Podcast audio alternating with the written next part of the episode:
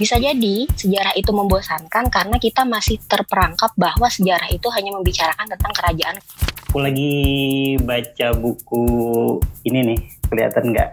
I hate diet. Ran bahas Ran, Ran bahas Ran. Eh, eh, eh, diam semua, tutup mic, tutup mic. buku self improvement pertama sih yang baru kita baca. Hmm. Terus ini karena juga kado dari temen. Selamat ulang tahun ya Nisa. Udah udah. Orang-orang sekitar itu sering tanya kapan nih nikah tuh. Hmm. sampai dia itu kayak bertanya pada dirinya sendiri apa sih hidup normal itu kayak gitu Tapi ini benar-benar rekomendasi buat Mas Toto loh ya. Mas Toto kan pengen satu bulan satu fiksi.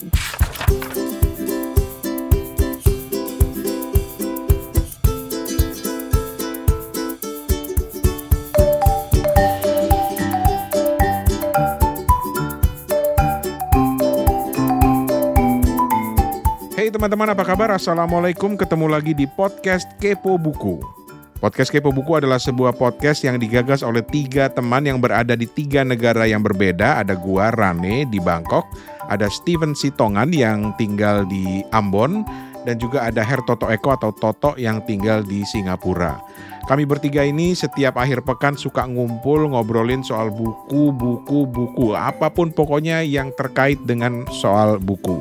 Nah, episode hari ini adalah kelanjutan dari apa yang kita sebut sebagai Kepo Bareng.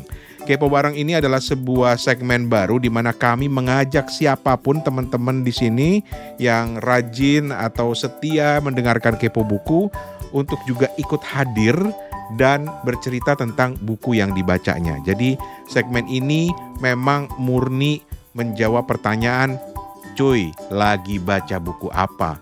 Karena memang itulah pertanyaan dasar yang membuat kepo buku muncul. Dan kepo bareng bagian kedua ini sudah kami rekam beberapa waktu yang lalu, namun karena kepanjangan jadi kami pecah menjadi dua episode. Terus juga kami masih belajar, jadi masih banyak eh, masalah teknis di sana sini ya, terutama soal suara yang mudah-mudahan nanti kita bisa perbaiki lebih jauh. Jadi episode ini sudah kami edit sedemikian rupa sehingga ada beberapa suara yang kurang bagus, yang kurang imbang, ada noise-nya di sana sini tapi ya mudah-mudahan sudah cukup nyaman untuk didengarkan. Dan ini akan jadi pelajaran berharga untuk segmen kepo bareng berikutnya yang rencananya sih kita mau bikin setiap bulan. Oke, langsung aja kita dengerin beberapa teman yang akan sharing tentang buku-bukunya. Kita mulai dengan Hera dari Kalimantan.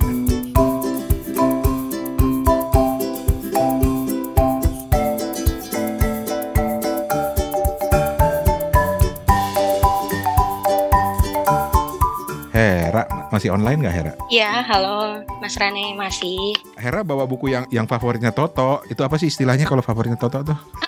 Surrealis. Surrealis. Surrealis. Aduh, Hera kan suka banget tuh nyebut surrealis. Oke, Hera bawa buku apa Hera? kalau malam ini pengen cerita tentang buku yang judulnya The French Historical Revolution sih, Mas, Wow. yang ditulis oleh Peter Bourke.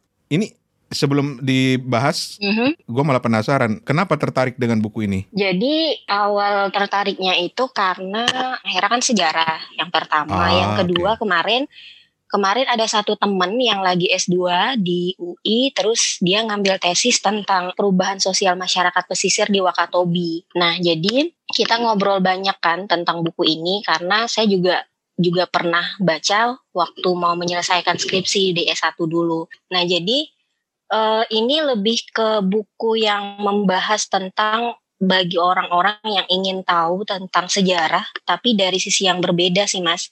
Jadi gini, sebenarnya ini tentang sejarah revolusi Prancis sebenarnya. Tapi yang lebih menarik untuk dibahas adalah tentang bagaimana Peter menjelaskan narasi bahwa eh, sejarah itu tidak hanya melulu tentang politik. Sejarah itu tidak hanya melulu tentang perang, sejarah itu tidak hanya melulu tentang pemenang.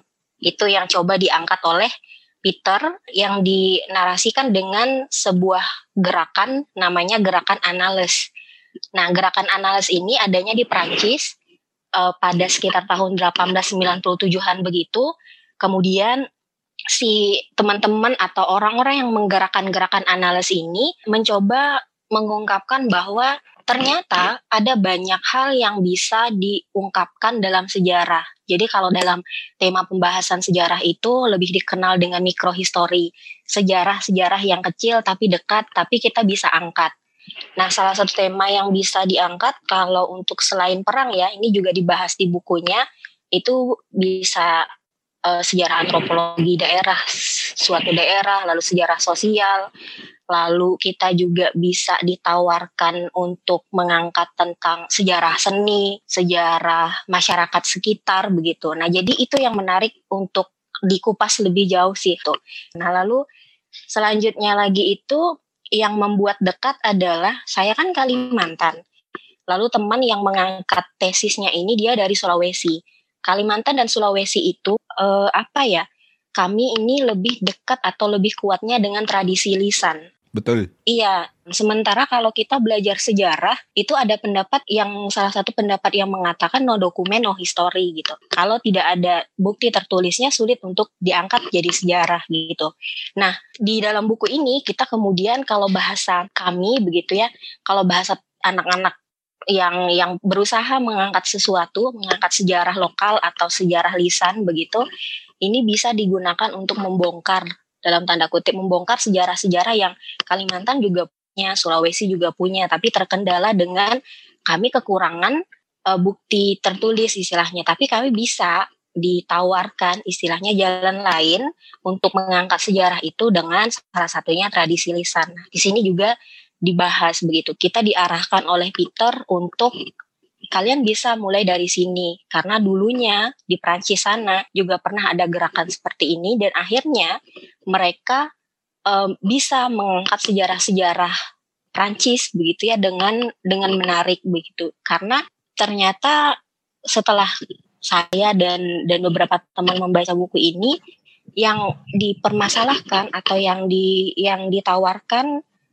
oleh Peter setelah kita membaca lima bab secara keseluruhan itu bukan hanya tentang permasalahan temanya saja. Misalnya tema apa ya tema penelitian tesisnya teman yang tentang uh, perubahan sosial masyarakat pesisir itu, tapi adalah bagaimana metodologinya. Karena uh, untuk membahas atau mengangkat sejarah yang lebih kecil, yang lebih mikro itu tadi, selain terbentur pada sumber sejarah, yang kedua metodologinya kamu mau pakai pisau yang mana begitu. Ini juga saya alami kan ketika saya bertemu atau saya mengangkat penelitian ini, para penguji juga mempertanyakan kamu mau latar belakang kamu apa begitu. Maksudnya kamu mau ambilnya dari sisi yang mana. Jadi setelah membaca ini kita jadi jadi sadar kalau sejarah itu tidak akan bisa dibangun atau tidak akan bisa ditulis 100% mirip seutuhnya tapi kita bisa mendekatinya begitu supaya itu tergambar dengan jelas tapi juga analisanya jalan tapi juga teorinya ada begitu. Jadi membuat kita lebih berhati-hati sekali dalam menuliskan sejarah. Karena ada banyak hal yang akan istilahnya kalau kami menyebutnya akan banyak hal yang dipertaruhkan ketika kita mencoba menuliskan sesuatu. Apalagi kalau berhubungan dengan tradisi, hmm. apalagi berhubungan dengan sebuah kehidupan di masyarakat begitu. Jadi istilahnya ketika kita menggunakan teori atau menggunakan ber, apa ya berbekalkan sejarah lisan atau dengan wawancara itu kan akan berbenturan lagi dengan sebuah sistem Mas, sebuah sistem yang mungkin sudah terbentuk tapi ketika kita ingin melihat lebih jauh akan ada pertentangan lagi kamu mau ngubah ini, kamu mau melihat ini yeah. dari perubahan yang mana gitu, akan terbentur sendiri kan pen penelitinya gitu. Jadi harus siap dulu, kamu mau mau lihatnya dari sisi mana. Nah, yang kedua, kenapa ini kemudian menarik untuk dibaca? Kemudian uh, khususnya bagi teman-teman sejarah yang tidak hanya yang ilmu sejarah tapi juga guru-guru sejarah ini adalah buku yang bisa menjawab barangkali ya mas. Saya, saya kami atau saya tidak akan menjamin buku ini bisa menjawab begitu. Tapi kalau teman-teman mengikuti beberapa isu belakangan begitu, sempat ada wacana untuk menghapus mata pelajaran sejarah di ya. sekolah ya. begitu. Hmm. Dan ketika itu terjadi, hmm. itu langsung, hah ini gimana ceritanya begitu latar belakangnya apa ini walaupun itu baru wacana dan sudah diklarifikasi segala macam ya tapi ketika isu itu muncul kami kembali mempertanyakan kenapa ini harus akan dihapuskan rencananya seperti itu. Dan setelah membaca ini, barangkali begitu ya, ini bisa menjadi jawaban bisa jadi ada banyak orang yang berpendapat pelajaran sejarah itu membosankan. Itu itu masuk dalam beberapa latar belakang penelitian teman-teman Eh, Oke. dan tidak bisa dinafikan begitu. Nah, yang Hmm. kedua yang perlu ditanyakan lagi, membosankannya mengapa? Kan seperti itu. Apakah karena memang mata pelajarannya? Apakah karena memang gurunya? Apakah karena memang penempatan jam pelajarannya yang jam satu setelah istirahat kedua atau bagaimana? Kan seperti itu. Kita tidak bisa hanya langsung pelajaran sejarah membosankan dan salah satu dalam buku ini disebutkan bisa jadi sejarah itu membosankan karena kita masih terperangkap bahwa sejarah itu hanya membicarakan tentang kerajaan-kerajaan. Bahwa hanya sejarah itu hanya membicarakan tentang manusia purba yang kita tidak kenal bentuknya seperti apa. Hmm. Dan bahkan kalau, ini maaf ya, maksudnya kalau yang di Kalimantan atau yang di Sulawesi, kita mempelajari sejarah kerajaan-kerajaan yang ada di Jawa yang kita tidak tahu bentuknya seperti apa. Tuh. Nah, jadi itu tidak sesederhana yang sudahlah dihapuskan karena membosankan tidak seperti itu begitu. Jadi ketika kita membaca ini barangkali kita bisa ayo deh buat sejarah yang menyenangkan. keren. Misalnya teman ini di Wakatobi, ternyata ada juga perubahan masyarakat sosialnya di Wakatobi. Hera ngajar sejarah juga atau lebih kepada kajian sejarah? Saya lebih ke kajian sejarah sih mas. Oh, gue sejarah satu-satunya yang tahu cuma 1825 sampai 1830 sih. Oh itu ada dibahas di Kapo Buku kan ya? Saya Tapi ingat sekali itu. Iya, Itu bedanya be- bedanya sejarawan amatir gitu sama sejarawan profesional kayak Hera nih. tapi tapi gue tertarik loh cara Hera bercerita tentang bagaimana kita sebenarnya tidak ada eh, apa namanya ya eh, tradisi mencatat sejarah itu sehingga tradisi itu bisa hilang gitu dan dan itu Hmm. cerita-cerita kayak begini ini yang menurutnya kayak menurut gue sih kayaknya perlu. Oh, Kang Roni bilang tuh setuju dengan Mbak Hera katanya. French Revolution itu didasari karena Orde Lama tidak bisa merespons dengan baik ketidakseimbangan sosial dan ekonomi. Mungkin Indonesia saat ini bisa belajar dari kondisi saat itu. Keren Mbak Hera. That's right, benar, benar Wow. Kang Romi. Oke. Kalau kalau Kunto Wijoyo bilang tuh semua orang tuh sebenarnya bisa jadi sejarawan sih. Hmm. Tapi ada tapinya nggak? Tapi ya harus ini harus eh, sesuai ilmunya. Soalnya aku baru baca ini. Weh, Ilmu sejarah. weh, keren, keren, Ilmu sejarah. keren. Itu ilmu sejarahnya siapa? Kunto Wijoyo ya. Kunto Kunto Wijoyo. Wijoyo. Itu kan kayak buku klasik kayaknya Iya, mahasiswa sejarah-sejarah harus baca deh. iya, gitu kan. benar. Hmm. Bahkan itu dibaca semester 1 menjelang semester 2 emang udah harus ya kalau Kunto. Hmm. Gitu. Ah, buat teman-teman yang tertarik sejarah, kenapa saya harus belajar sejarah? Menurut gua pribadi ya, bukunya Kunto Wijoyo ini recommended banget buat dibaca karena dia dijelasin dari awal kan. Kenapa sih kita harus baca sejarah dan eh, dasar-dasar sejarah itu kayak apa, metodologinya kayak apa, Mhm. kayak gitu. Apalagi Hera tadi melukiskan bagus banget ya. Ternyata sejarah itu metodologinya tuh macem-macem gitu, ilmiah Keren loh, banget bener. gitu, gitu Benar kan benar. nggak sekedar nyatet tahun. Eh, kalau nyatet Iya. tahun mah Rane 1825 1830 ya salah terus. 1825 sampai 1830 adalah perang di Ponegoro yang berlangsung hanya 5 menit. Aduh. Gitu. Oke oke, thank you banget Hel. Oke. Iya, Keren banget, sama-sama. Iya. Terima kasih banyak. iya, sama-sama.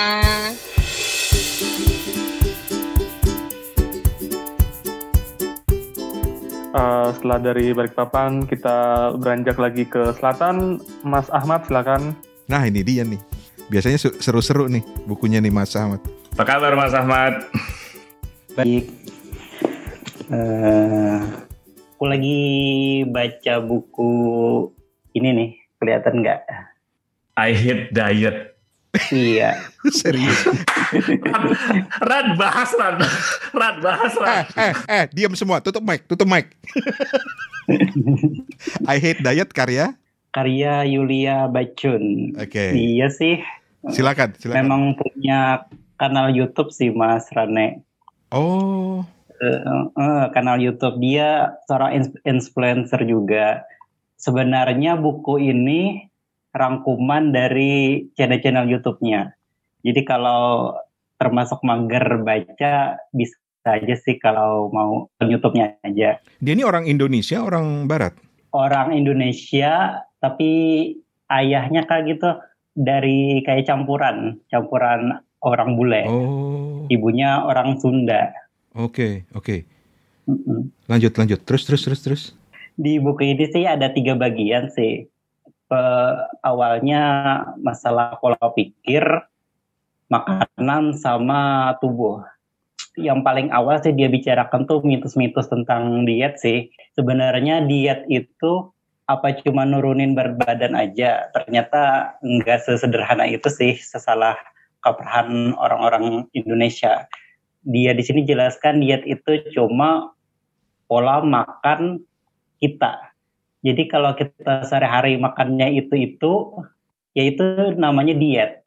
Lalu di sini diet tuh dibaginya jadi tiga, diet untuk nurunin berat badan, untuk naikkan berat badan, dan untuk menjaga berat badan supaya stuck di Oh, Oke. situ-situ aja. Mhm. Akunya sih suka si Kalia Bacun nih kayak curhat aja sih baca baca di apa isi bukunya.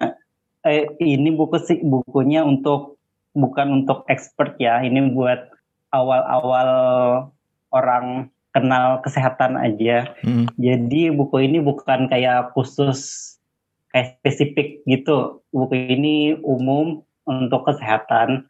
Apa yang paling menarik bagian dari buku ini eh, menurut eh, Mas Ahmad kalau dikaitkan dengan cerita soal diet ini? aku paling paling baru sadar tuh kan biasanya ada logika logika kalau aku nih makan seharusnya kan kalau minum obat Mhm. satu tablet itu cukup nih buat satu kali sehari Hmm. terus kita nih mikir-mikir aku agak malas nih makan buat bes buat malam jadi sekalian aja nih makan.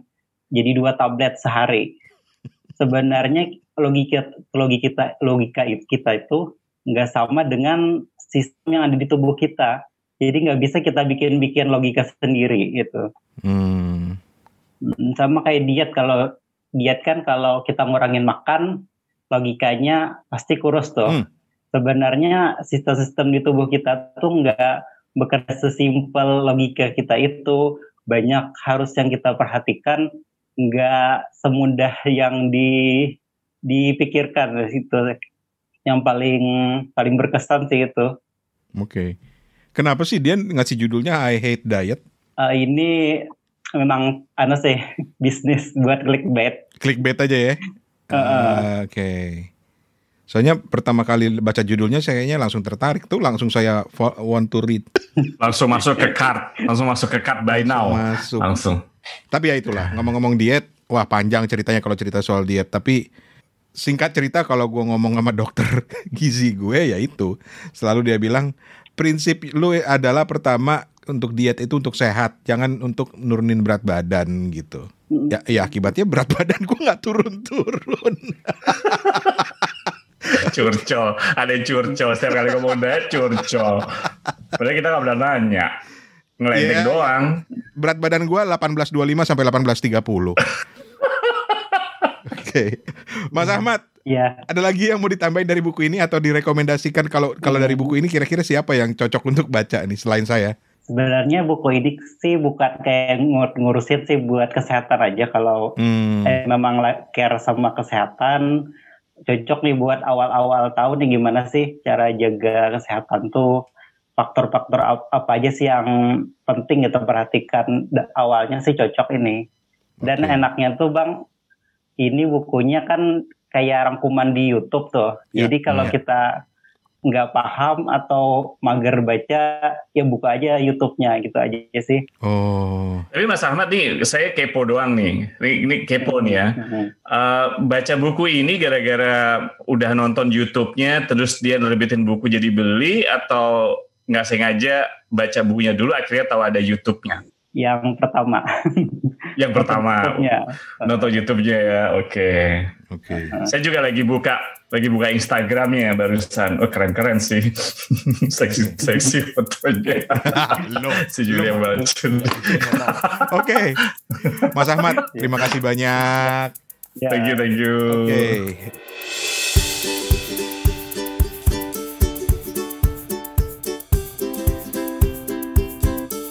uh, setelah kita ke Kalimantan, sekarang kita ke Mbak Nurul. Silakan Mbak Nurul. Mbak Nurul. Udah online belum Mbak Nurul? Yang ada di Jogja. Betul ya? Mbak Nurulnya nggak ada kayaknya ya. Drop ya. Oke. Yang belum siapa ya? Oke, lanjut ke Mbak Nisa. Silakan. Ya, halo. Jadi di sini aku lagi baca buku rahasia agar tak mudah dilupakan. Saya, saya, saya rahasia. Keren, keren, keren. Rahasia agar tidak mudah dilupakan. Ya, Judulnya menarik nih. Eh, apa buku self improvement pertama sih yang baru tak baca. Soalnya biasanya kan lebih suka baca cerita kayak fiksi. Hmm. Terus ini karena juga eh, kado dari temen, Selamat ulang tahun ya Nisa. udah udah udah lewat. Udah lewat. Oh, Lanjut, lanjut. jadi itu eh, di sini kan eh, ada kayak beberapa pesan-pesan gimana caranya kita eh, kayak eh, mengembangkan diri kita, terus kayak gimana caranya kita berbaur dengan masyarakat sosial. Kenapa kita bisa nggak dianggap sama mereka? Ya ini rasa rahasianya supaya kita itu tidak tidak mudah dilupakan ol- oleh lingkungan sekitar kita kayak gitu. Eh, salah satu bagian yang aku suka sih nih kita tidak perlu mengubah siapa pun berikan permainan agar orang lain mengubah diri mereka Oke. Jadi ini eh, yang ngasih siapa? Loh, pertanyaannya langsung. kalau yang ngasih sih temen sih eh, masnya temen-temen temen cewek sih om temen cewek om Oh, teman cewek. Oke. Toh, emang namanya kepo buku, tapi nggak gitu-gitu amat toh. Kirain Steven yang ngasih. Oh iya. Jangan-jangan. Hmm. Terusin, terusin. terus. Jadi self improvement, buku-buku self improvement itu eh, Nisa sendiri baru ngaku baru pertama kali baca buku self improvement kan? iya soalnya waktu itu kan masih kayak agak agak males kalau baca buku-buku kayak gini kan C. Jadi sebenarnya sebenarnya nih tadi eh, Bang Rani tanya tuh ken- eh, kenapa enggak kenapa enggak suka self karena dia termasuk eh, kalau aku nggak suka fiksi dia termasuk orang yang nggak suka buku-buku self help. Bener ya Ran ya? Salah satunya nggak nggak 100% nggak suka tapi agak menghindari gitu ya.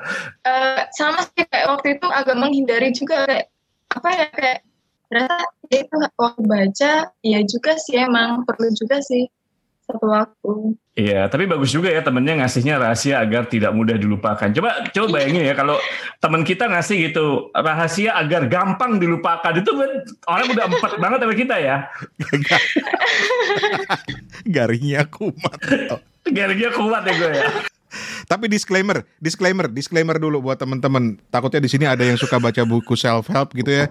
Jangan sampai menganggap saya eh, menghina atau apa. Tapi buat saya, Takut takut dihujat, takut dihujat netizen. gue takut dihujat netizen beneran, beneran. Tapi buat gue tuh buku self help itu ya, dari paling nggak dari yang udah pernah gue baca, buku self help yang pernah gue baca itu dia seolah-olah memindahkan pengalaman si penulisnya itu dan seolah-olah bisa diterapkan buat orang lain gitu loh. Jadi tidak melihatnya secara secara holistik gitu iya iya bahwa tiap orang tuh punya perbedaan kayak kayak gitu gitu. Nah itu itu menarik. Sama dengan bukunya eh, Rabica tadi yang fisionomi gitu kan ketika pertama Rabica cerita wah bisa melihat eh, seseorang membaca karakter seseorang lewat wajah dan gerak tubuh. Saya udah mikir, hah apalagi nih. Tapi ternyata kemudian dijelaskan bahwa ada loh karena dia bermain eh, data gitu. Oh boleh gitu. Jadi please jangan saya jadi diserang jadi sama hater gitu ya. Eh, eh, tapi ngomong-ngomong ya, eh, bukunya yang dibawa Rabica tadi kita firasat udah masuk ke buy now gua. Asik. Asik. Oke. Jadi gue penasaran pengen baca. Tapi buku ini ya balik lagi ke Nisa yang rahasia agar tidak mudah dilupakan. Kayaknya Mas Ahmad juga kepo ya pengen baca buku ini ya Mas ya. Hmm, iya. Nanti kalau udah baca, tolong jangan dilupakan ya saya mas. Maksudnya cerita gitu bagi cerita. Cerita gitu. harusnya yang Kan- orang spesial ya Oh, gitu ya. Hmm, eh, tolong Mbak Nisa kasih ke Mas Ahmad. Iya. Atau Steven, tolong kirim ke ah panjang urusannya kalau ditanya. Steven langsung catet kirim buat Oke. Eh, terima kasih banyak Nisa. Ditunggu lagi buku-bukunya. Ya. Mas Hardian bilang nggak semua buku self help itu sama dengan berpikir dan berjiwa besar. Komrane. Oke, sebelum kita pindah ke yang lain, eh, Mas Hardian buka mic dulu. Kenapa ngomong kayak gitu? Di episode-episode sebelumnya kan Om Rani kan kayaknya trauma banget tuh sama berji- berpikir dan berjiwa besar. Oh bukan, bukan. Saya trauma tuh sama buku ini, How to Win Friends and Influence People, Dale Carnegie. Dale Carnegie kan, ah gitu. Gitu. Kang Roni, kalau Kang Roni, tolong sadarkan saya Kang Roni. Saya cuma bisa menghimbau. Heeh. Masalah hidayah itu urusan yang di atas Om Rane. Hidayah buku-buku self help. Ya bener juga sih, Iya bener sih, juga. Gue nggak bisa bilang. mm, mm, mm. Iya sih. Semoga, semoga kita doakan semoga Bang Rani eh, selalu dalam hidayahnya lah ya. Amin. Oke, Termasuk bisa membaca buku-buku self help. oke.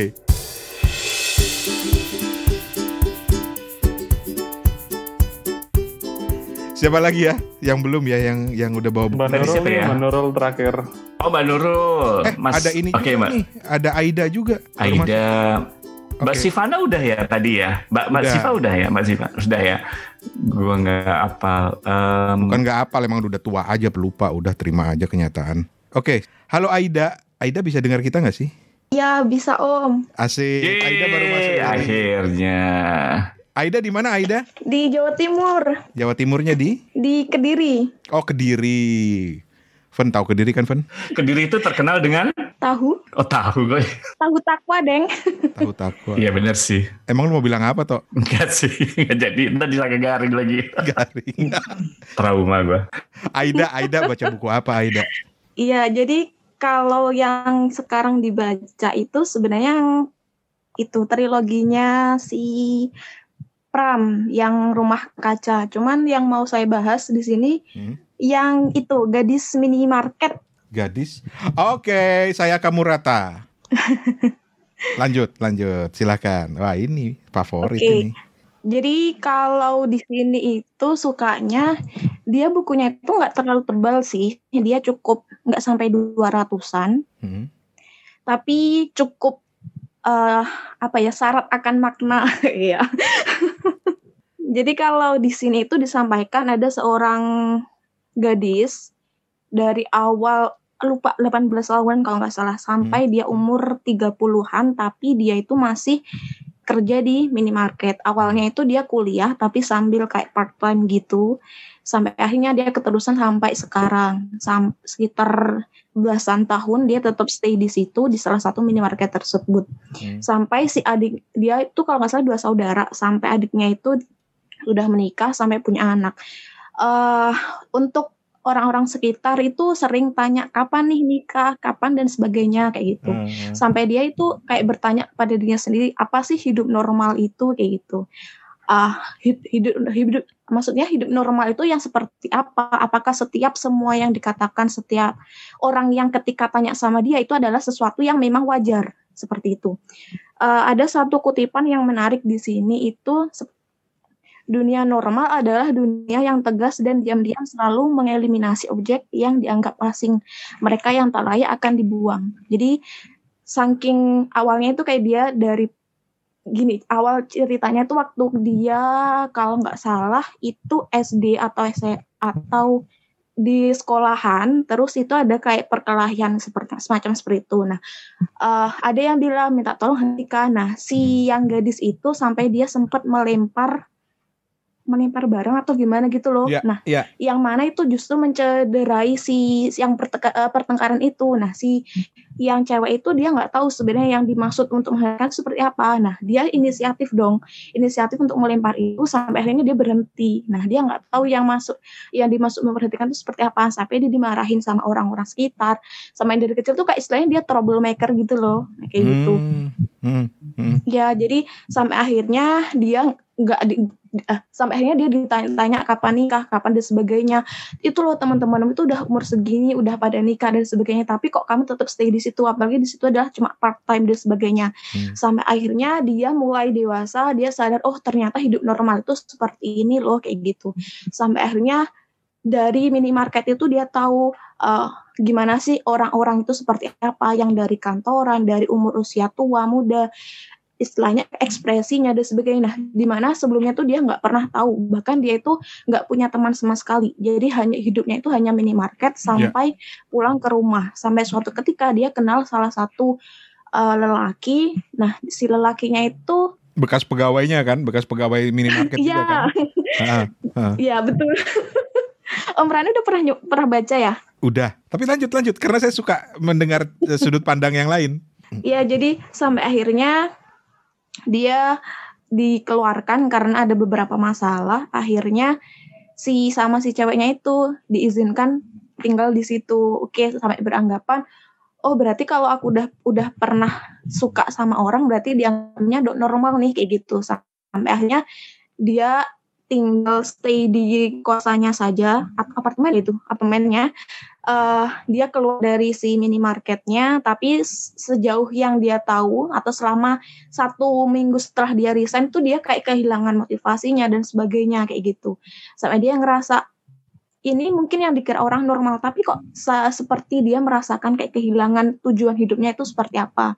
Sampai dia bangun-bangun, sampai segala sesuatunya kayak mendengar orang datang dari minimarket dan sebagainya. Jadi kayak semacam dia benar sih stay di rumah seperti tapi pikirannya dan sebagainya itu sudah ke dalam minimarket. Jadi dari sini kayak tahu oh mungkin orang anggapnya ih kenapa sih orang itu uh, be- be- apa ya 10 tahun bahkan berpuluh tahun tetap stay di situ kok nggak bosan dan sebagainya padahal kita nggak tahu sebenarnya dia sudah memang nyaman di situ.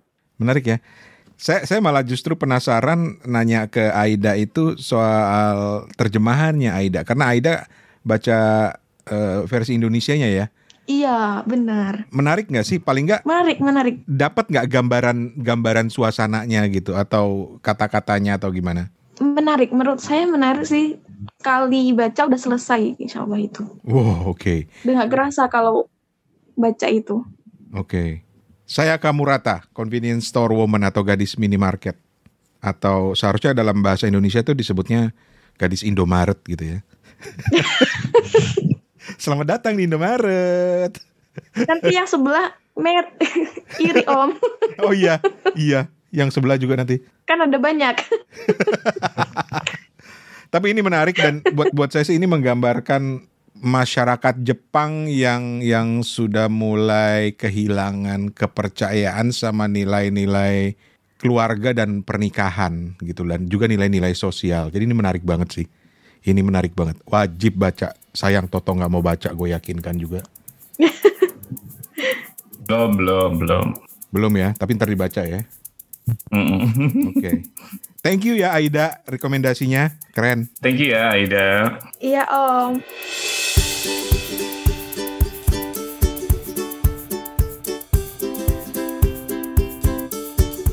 Siapa lagi? Nurul. Udah live ya. Oke. Siapa lagi yang belum? Siapa lagi ya belum? tapi tapi menarik loh bahwa ketika kita cerita tentang buku eh, sekilas kayak ngobrol aja gitu, eh lu lagi baca buku apa terus cerita singkat gitu ternyata kita bisa dapat banyak hal gitu. Walaupun ada tipe eh, ulasan buku yang harus panjang lebar dalam satu episode, mungkin nanti ada teman-teman juga yang kita ajak untuk ngobrolin gini gitu ya. Ya boleh banget kalau misalnya pengen diajak eh, keroyokan di satu episode khusus gitu. Teman-teman, ada yang mau nanya pertanyaan ke Steven nggak? Pertanyaan apa itu? Ya tapi ini benar-benar tapi ini benar-benar rekomendasi buat Mas Toto loh ya karena eh, Mas Toto kan pengen satu bulan satu fiksi ini cukup Oke. cukup pendek lah novela Oke, Betul. apa? Dan nggak kan lu bilang toh lu udah niat satu bulan satu fiksi dan kemu- kenapa kemudian teman-teman kita undang ke sini supaya jadi bisa jadi saksi juga gitu loh. Kalau dalam satu bulan nggak ada ulasan buku fiksi dari lo ah cemen. Cemen ah. oke ini udah semua ya. Kalau ada yang belum tolong protes. Soalnya saya pelupa Tapi anyway, sebelum ditutup, makasih banget. Mau minta masukan dulu sama teman-teman karena ini kan sebenarnya episode uji coba ya. Tadinya malah kepikiran Mm-mm. kita mau kasih linknya di Instagram, tapi kebayang nanti yang masuk banyak banget. Sombong banget, kayak ada yang mau masuk ya. Tapi justru kita mau mas- minta masukan dari teman-teman gitu loh. Kira-kira kalau pola begini itu terlalu rame nggak sih? Atau mungkin dibatasi aja? Atau biar aja dilepas aja? Atau ada masukan lain nggak? Karena kita asumsikan yang ada di sini nih pasti teman-teman pendengar baiknya kepo buku nih. Ada ada feedback nggak buat kita? Apa sekalian bikin klub buku gitu? Ah, Aku ada pesan nih Om Rane. Maksudnya kalau kebayangannya ini udah berapa menit ya? Eh, satu setengah jam. kalau dengerin satu episode kayaknya terlalu panjang ya. Hmm. Eh, walaupun nanti diedit-edit ya. Hmm. Eh, mungkin eh, tidak terlalu banyak pesertanya eh, dan per peserta pun dibatasin eh, ininya apa durasinya sih. Oke, durasinya ya. Kita ngomong tentang durasi aja sih. Oke. Maksudnya kebayang sih ini kalau kalaupun nanti di maksudnya kalaupun di audio kan bagus tapi lebih keren kalau di upload ke YouTube atau seperti apa jadi lebih lebih ada visualnya aja sih Hmm, maksudnya iya bener juga. oh gini toh eh, eh, maksudnya wajahnya eh, Pak Toto tuh gimana gitu Cuma cuma dimaafkan ini sebenarnya kita memasukin YouTube tapi yang bagian ngerekamnya gaptek. Orang yang pernah ngerekam video kita gagal. Tapi oke. Thank you banget. Ada lagi nggak teman-teman Gitu, yang mau ngasih masukan? Thank you banget, thank you banget. Ada lagi nggak yang mau ngasih masukan? Terutama karena teman-teman kan sering denger kepo buku gitu ya. Jadi mungkin punya masukan buat kita supaya ini bisa jadi acara kita bareng-bareng gitu. Merane, Om Toto, Om Steven. Siap, Kang Roni. Kalau menurut saya memang komunitas seperti ini kan baik ya gitu ya. Hmm. Jadi maksudku kita nggak perlu ngebatasin, tapi memang kita buat segmen aja gitu. Jadi misalnya segmen cerita seperti ini, ada juga orang yang mau cerita, menginspirasi orang, dan orang juga sebetulnya seperti saya, saya mau tahu tuh bahwa buku yang direkomendasikan orang tuh apa sih? Karena Hmm. saya seperti saya tadi bilang, saya tuh nggak suka baca sebetulnya. Tapi at certain Hmm. point, saya eh, seperti tadi saya mencatat beberapa buku yang kayak Kunto Kunto siapa? Kunto Wijoyo. Wijoyo. Wijoyo. Ya, Kunto Wijoyo itu udah saya langsung catat tuh. Wah. Saya menginspirasi lah gitu. Jadi Oke. dibuat segmen aja, segmen seperti ini dan segmen keduanya eh, itu fokus pembahasan. Misalnya, yuk kita akan ngebahas buku ini seperti yang tadi Om Rane bilang. Hmm. Ternyata tiap orang membaca itu memang membuka wacana orang itu bisa bercerita dengan sudut pandang mereka masing-masing kan. Yep. Dan itu menarik memang. Dia berbicara buku yang sama, tapi dia ya itu hak mereka, bukan mereka tidak mengerti, tapi memang semua pengertian kan dibentuk dari pengalaman dia juga kan, Yoi. dan bagaimana itu mereka menyerap gitu sebetulnya. Yoi. Jadi kalau Betul. menurut saya dibuat segmen aja. Contohnya saya kan karena pandemik ini jadi ya eh, sedang bikin bisnis plan sesuatu lah. Saya ngelihat beberapa channel seperti Kui Entertainment misalnya. Hmm. Dia dalam enam bulan bisa eh, ngehits gitu ya, 2 juta followers atau subscriber. Hmm. Itu karena ternyata mereka segmennya itu segmen dibuat segmen yang kalau saya lihat marketnya bagus gitu. Karena memang ada orang yang mau mengerti itu. Itu aja sih Om Rane, Om Oke. Toto dan Om Steven. Wah, Sorry thank you banget. Thank you eh, banget. berkenan. Selalu berkenan. Kita mah masukan apa aja berkenan apalagi dikirimin makanan lebih berkenan lagi. Aduh, makanan lagi. Eh ada lagi nggak yang mau ngasih masukan? Eh eh eh eh eh, eh, siapa ya? Siva ada masukan nggak Siva? Kalau dari aku sih kayak gini seru, eh, Bang. Udah cukup seru gitu ya. Hmm. Eh, terlebih sama kayak tadi Kang Roni, Siva juga udah catat buku-buku yang teman-teman yang lain rekomendasiin. Kayaknya seru deh kalau bikin klub gitu. Terus nanti kita beneran sharing gitu, sharing buku yang dibaca. Jadi lebih banyak referensi buku lagi sih kalau kata Siva. Oke, Hmm. Keren. Rabica, apa ya ya maka sebelumnya makasih juga udah kasih kesempatan karena aku sendiri di sini uh, butuh teman sharing juga buku gitu kan terlebih hmm. buku-buku umum karena di sini kan bahasa Arab gitu nah terus um, kalau masukan dari aku mungkin dibikin klub bukunya kayak kita sama-sama buku baca buku satu. Kan tadi kayak Mas Rane bilang uh, satu buku dengan pembacaan orang yang berbeda menghasilkan pembacaan yang berbeda juga. Gimana kalau misalnya uh, misalnya dalam pertemuan selanjutnya misalnya kita tiga buku tapi misalnya satu ini uh, yang baca tiga orang. Buku yang ini dibaca tiga orang oleh orang yang berbeda. Nanti kita dengar dari pandangan mereka masing-masing gitu. Mungkin itu bisa juga. Keren. Keren.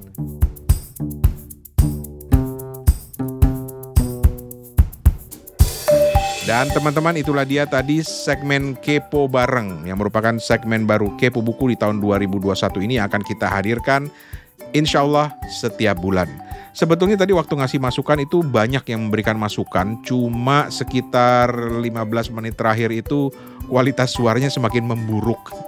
Jadi terpaksa harus diedit uh, karena memang sudah nyaris tidak kedengaran. Jadi punten minta maaf banget yang terpaksa tidak kita masukkan uh, saran-sarannya tapi semuanya sudah kita catat dan mudah-mudahan bisa jadi bekal yang bagus untuk segmen kepo bareng di bulan berikutnya yaitu bulan Februari eh bulan Februari ini sebentar lagi gitu. Oke, untuk saat ini Rane Hafid bersama Steven Sitongan dan juga Hertoto Eko dan teman-teman yang sudah ikut di segmen Kepo Barang Perdana kita mengucapkan terima kasih. Mudah-mudahan banyak buku yang sudah dicatat untuk masuk dalam daftar belanja buku teman-teman. Karena memang tujuan Kepo Buku cuma itu kok kami ingin berbagi buku yang sedang kami baca, yang sedang teman-teman lain baca. Sementara itu buat teman-teman yang ingin support Kepo Buku juga di Karya Karsa silahkan. Tidak wajib tapi kalau memang ada rezeki lebih dan mau support kami untuk macam-macam kepentingan termasuk juga nanti untuk ngirim buku, untuk bikin kuis dan lain sebagainya silahkan ke karyakarsa.com garis miring kepo buku. karyakarsa.com garis miring kepo buku. Atau juga bisa ke kepobuku.com terus eh, tekan tombol merah yang ada di kanan bawah untuk memberikan support eh, atau dukungan kepada kami dalam bentuk eh, celengan kepo buku. Tidak wajib sekali lagi hanya yang yang mau saja atau yang punya rezeki lebih lah Oke, atas nama teman-teman yang sudah ikut di segmen perdana kepo bareng tadi, gua Rane Hafid, juga Steven Sitongan dan Hertoto Eko pamit. Sampai jumpa. Assalamualaikum warahmatullahi wabarakatuh.